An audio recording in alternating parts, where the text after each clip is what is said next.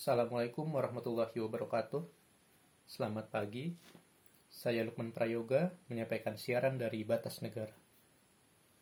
Sebagai pembuka siaran ini, saya awali dengan latar belakang mengapa saya menyampaikan materi dan menyiarkan materi tentang mental kaya dan mental miskin ini.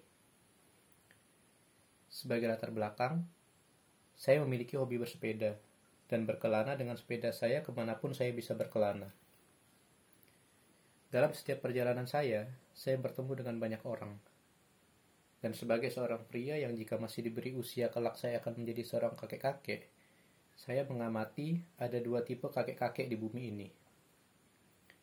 Tipe kakek-kakek yang pertama adalah kakek-kakek yang dalam usia lanjutnya masih menjadi seseorang yang memiliki wibawa yang tinggi. Masih tampak kecerdasan yang tinggi dari sikap dan bicaranya.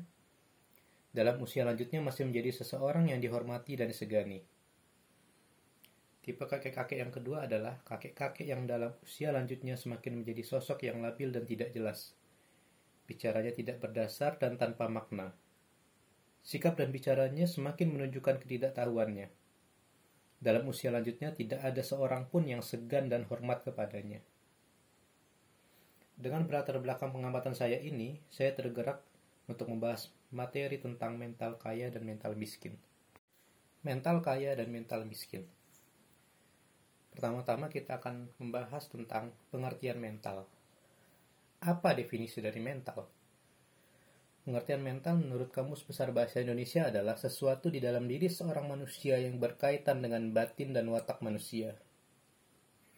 Karena merupakan sesuatu yang berada di dalam diri seorang manusia, mental melekat pada diri setiap manusia, meresap dalam batin, serta membentuk watak setiap diri manusia dapat disimpulkan bahwa watak seseorang merupakan cerminan atau gambaran nyata dari mental yang ada di dalam dirinya. Mental akan sangat berdampak pada kepribadian dan perilaku seseorang. Mental akan membentuk pola pikir pada setiap manusia.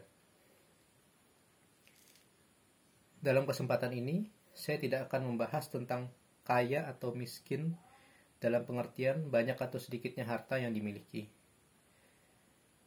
tetapi saya akan membahas mengenai mental kaya yang merupakan pendorong seorang miskin bisa menjadi kaya dan seorang kaya bisa menjadi semakin kaya, serta mental miskin yang dapat mendorong seorang kaya bisa menjadi miskin dan seorang miskin bisa menjadi semakin miskin.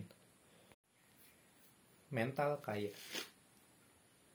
Menjadi kaya dan memiliki banyak harta merupakan mimpi dan keinginan hampir semua orang.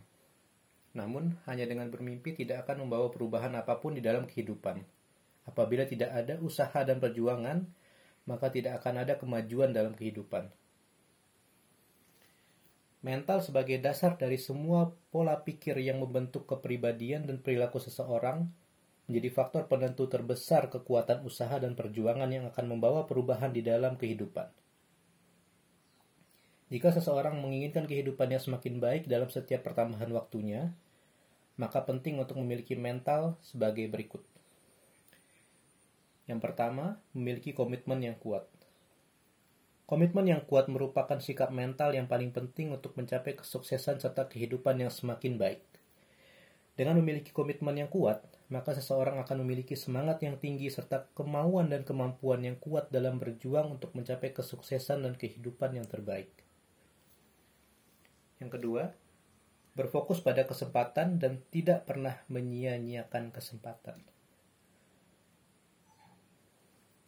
Seseorang yang memiliki mental kaya dan akan mencapai kesuksesan dan kehidupan yang cemerlang akan selalu memfokuskan pikiran dan tindakan pada kesempatan serta selalu dapat mentransformasikan semua kesempatan menjadi segala kesuksesan. Mulai dari kesuksesan-kesuksesan kecil hingga kesuksesan-kesuksesan terbesar. Yang ketiga, senantiasa memperdayakan diri dengan berusaha secara maksimal. Seseorang yang memiliki mental kaya akan senantiasa berusaha dengan usaha maksimal untuk meraih semua mimpi dan tujuan hidup, dengan didukung dengan strategi terbaik. Yang keempat, berhasil mengelola segala rasa takut dengan selalu berpikir dan bertindak secara tegas. Rasa takut tidak sepenuhnya buruk. Rasa takut dapat menjadi alarm peringatan untuk waspada dan berhati-hati Seseorang yang sukses dalam hidupnya adalah seseorang yang tidak kalah oleh rasa takut dan berhasil mengelola rasa takut dengan baik, dengan selalu berpikir dan bertindak secara tegas. Yang kelima, senantiasa belajar dan bertumbuh. Seseorang yang sukses dalam hidup akan senantiasa berusaha untuk belajar dan menambah pengetahuan dan kemampuan dengan semangat belajar terbaik, sehingga menjadikan dirinya senantiasa bertumbuh dan berkembang dalam setiap pertambahan waktunya. Selanjutnya kita akan membahas mengenai mental miskin. Sebagaimana telah kita bahas sebelumnya, definisi mental adalah sesuatu di dalam diri seorang manusia yang berkaitan dengan batin dan watak manusia. Definisi mental miskin adalah sebuah kondisi di mana sesuatu yang ada pada diri seorang manusia yaitu pikiran, akal, ingatan seseorang berada dalam pemahaman serba kekurangan dan tidak tercukupi. Mental miskin merupakan sebuah kondisi yang menyerang akal dan pikiran seseorang, sehingga sering kali tidak disadari karena tidak terlihat oleh mata. Namun, mental miskin dapat dirasakan dalam interaksi sosial sehari-hari. Kenapa kondisi mental miskin sering kali tidak disadari oleh penderitanya? Kondisi mental miskin sering kali tidak disadari oleh penderitanya karena Hampir semua penderita kondisi mental miskin selalu terlarut dan terjebak dalam suasana nyaman yang diciptakan oleh kondisi mental miskin tersebut. Kemudian timbul pertanyaan, apa yang menyebabkan mental miskin tersebut? Penyebab mental miskin adalah Mental miskin terbentuk karena pendidikan yang salah yang diterima oleh penderitanya dalam jangka waktu yang panjang, sehingga memberikan ingatan yang sangat dalam yang menciptakan mentalitas atau kepribadian seperti itu. Beberapa kriteria yang menunjukkan bahwa seseorang telah menjadi penderita mental miskin adalah sebagai berikut. Yang pertama, malas untuk berusaha dan selalu ingin mendapatkan segala sesuatu secara instan. Ciri seseorang yang telah menjadi penderita mental miskin yang pertama adalah malas untuk berusaha dan selalu ingin mendapatkan segala sesuatu secara instan. Biasanya ciri-ciri seperti ini sering kita temui pada orang-orang dengan tingkat pendidikan serta pengetahuan rendah yang mudah tertipu dengan investasi palsu, mudah tertipu dengan janji palsu untuk diterima sebagai aparat negara, kemudian menjadi hancur karena kemalasannya untuk berusaha dan ingin mendapatkan sesuatu secara instan. Padahal dalam kehidupan ini tidak ada kesuksesan yang diraih secara instan. Semua kesuksesan membutuhkan perjuangan dan pengorbanan, sehingga perlahan-lahan mendekati titik keberhasilan tertinggi. Yang kedua, suka membuang waktu. Seseorang yang memiliki mental miskin juga suka membuang waktunya untuk hal-hal yang tidak ada manfaatnya dan tidak mendukung pengembangan dirinya. Bahkan, Seseorang yang memiliki mental miskin juga sering kali membuang waktunya untuk hal-hal yang merusak dirinya dan orang lain, serta menghambat pengembangan dirinya. Yang ketiga, tidak memiliki strategi dan rencana masa depan. Seseorang yang memiliki mental miskin terlalu sibuk dengan kepuasan dan kesenangan sesaat.